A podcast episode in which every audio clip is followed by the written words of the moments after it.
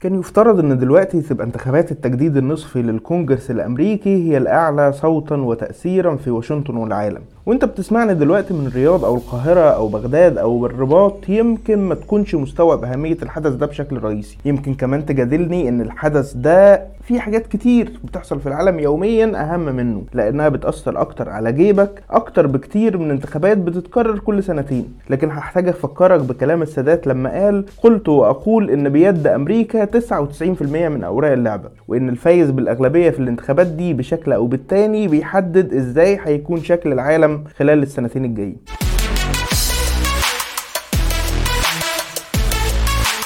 دلوقتي طبعا هتسألني وعندك حق جدا. أنا داخل أسمع بودكاست عن السعودية وأسعار النفط. بقالك ساعتين بتلف وتدور وترغي بره الموضوع ليه؟ هقول لك يا سيدي بس من غير خناق. في وسط المعمعة اللي دايرة دي كان الصخب اللي خلقه قرار السعودية أو بين قوسين أوبك بلس بتخفيض أسعار النفط قبل الانتخابات الأمريكية أعلى من أي توقعات. مش بس عشان الجدل الأكتر من منطقي إن كانت السعودية قصده تتدخل في الانتخابات بشكل غير مباشر مثلا باعتبار إن القرار هيأثر على جيب الناخب الأمريكي وبالتالي قراره الانتخابي. لكن عشان الديمقراط حاولوا يستخدموا نفس الورقة بشكل عكسي. السعودية بتضرك يا مواطن يا أمريكاني. انتخبنا إحنا عشان نقدر ناخد بطارك. وهنا بيجي المقال اللي بنتكلم عنه دلوقتي والحقيقة إننا اخترنا نركز عليه لأكتر من سبب.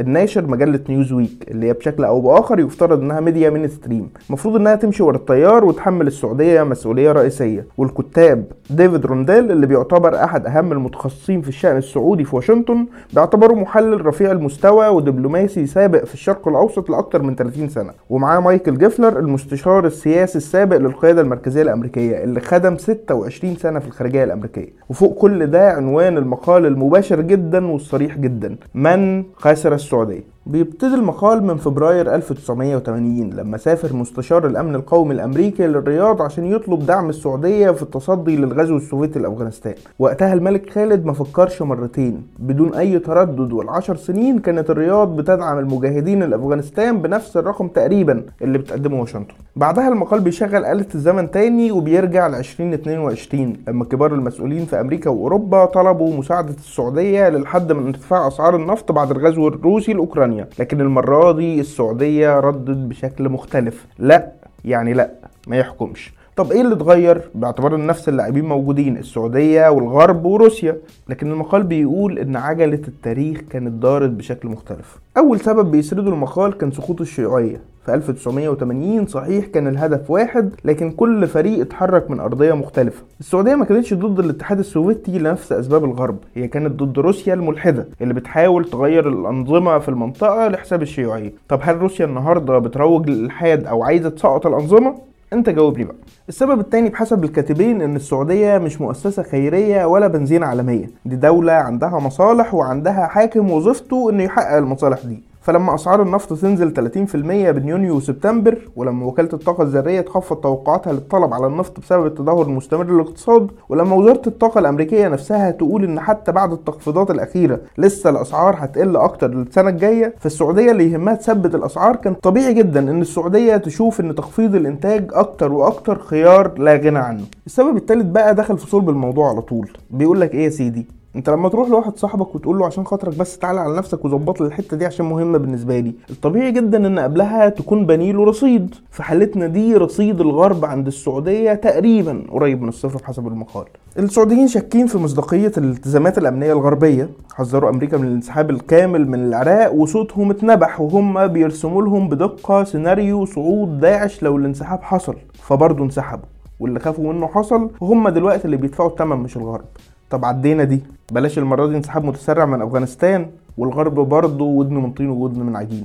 طيب عدي دي ودي. حكومة الملالي في إيران عدو صعب. بلاش أي صفقات تديهم فلوس هيستخدموها ضدنا. يلاقوا الغرب ماشي في سكة الاتفاق النووي. في المقابل بقى نفس الغرب اللي المفروض بيقول على نفسه حليف وصديق كل يوم على ريق النوم بيهدد السعودية بقطع مبيعات الأسلحة. وكل ما الرياض تطلب تكنولوجيا الدرونز اللي محتاجاها عشان تتصدى للاخطار اللي بتهدد صناعة النفط نفسها أمريكا تقول لها ربنا يسهل إن شاء الله. تروح تجيبها من إيطاليا ولا الصين أمريكا تتقمص. حاجة كده ينطبق عليها المثل المصري لا بيرحم ولا بيسيب رحمة ربنا تنزل. بعد كل ده بحسب المقال كان طبيعي إن السعودية تحس بقلة تقدير. في علاقة التحالف دي شايفين إنهم عملوا كل اللي عليهم وزيادة. ده حتى في موضوع النفط نفسه إحنا اللي بنلعب دور رئيسي في تقوية العملة الأمريكية وبالتالي النظام المالي الغربي اللي قايم عليها. إحنا اللي بنتداول النفط بالدولار بعد كل اللي بيحصل ده ورغم اللي بيحصل ده. بعدين أنا زودت الإنتاج ألف مرة عشان أحافظ لك على السوق. جاي عند المرة اليتيمة اللي احتجت فيها أخفض الإنتاج عشان مصلحتي. تفتح عليا النار في اعلامك ومن صناع السياسات بتوعك. ده أنا يا دوب بحاول أعدي لك إنك في حملتك الانتخابية يا بايدن. حرضت عليا وقلت عليها منبوذة. قلت معلش وقتها شغل انتخابات أكيد مش دي نيتك الحقيقية يعني. فلاقي الميديا بتاعتك ما بتهداش. حتى في حاجة واضحة زي وضع المرأة اللي البنك الدولي بيقول إن السعودية عملت أكتر من أي دولة تانية في تحسينه يطلع إعلامك يقول لأ. دول بيسوقوا معاملة النساء بشكل منهجي. طيب في دي كمان هقول معلش أكيد حقوق الإنسان مهمة بالنسبة للناخب بتاعك فهستحملك في دي. طب وحرب اليمن اللي أنا أصلا ما بدأتهاش بدأها الحوثيين اللي أنت شلتهم من قوائم الإرهاب. وحتى كمان ما كانتش حرب هجومية مفترض إن أنت هتصنفها حرب دفاعية. مش بس عشان أنا دخلت عشان أدافع عن الحكومة المعترف بها دوليا لكن كمان لأن الحوثيين المدعومين بإيران بيهددوني بأنهم يحتلوا محافظتين من جنوب السعودية. هتقول لي ماشي يا سيدي على رأسي بس أنتوا قتلتوا مدنيين. طب أنا كسعودية في الحالة دي مش هقول لك طب يا سيدي ما طياراتك كمان قتلت مدنيين في أكتر من دولة لكن هقول لك إن ده لا حصل بشكل متعمد ولا حصل بطول الفترة الطويلة اللي فاتت. فيجي معلقينك ويقولوا امسك السعودية بتقتل مدنيين في حين إن انتهاكات الحوثيين ومشغلين في إيران مستمرة. ولحظة بلحظة وأنتوا عاملين أصلا مش شايفينها. طب ليه التحريض عمال على بطال بقى؟ وليه بالشكل الفج ده؟ وليه بعد كل ده ترجع تقول إن أنا حليف والمفروض إن أنا اضحي عشانك؟ أخيرا بقى المقال بيقول إن القادة في الغرب بيدوروا على شماعة يحملوها مسؤولية تضخم الطاقة. لكن هنا مسؤولية السعودية بحسب المقال مش هتكون أكتر من إنها رفضت تمد شريان الحياة لمريض مش هي أصلا اللي وصلته للوضع ده. اللي خلقه كان سوء إدارة ملف الحرب في أوكرانيا والإنفاق الحكومي الهائل في الغرب خلال الوباء وتراجع إنتاج النفط الأمريكي.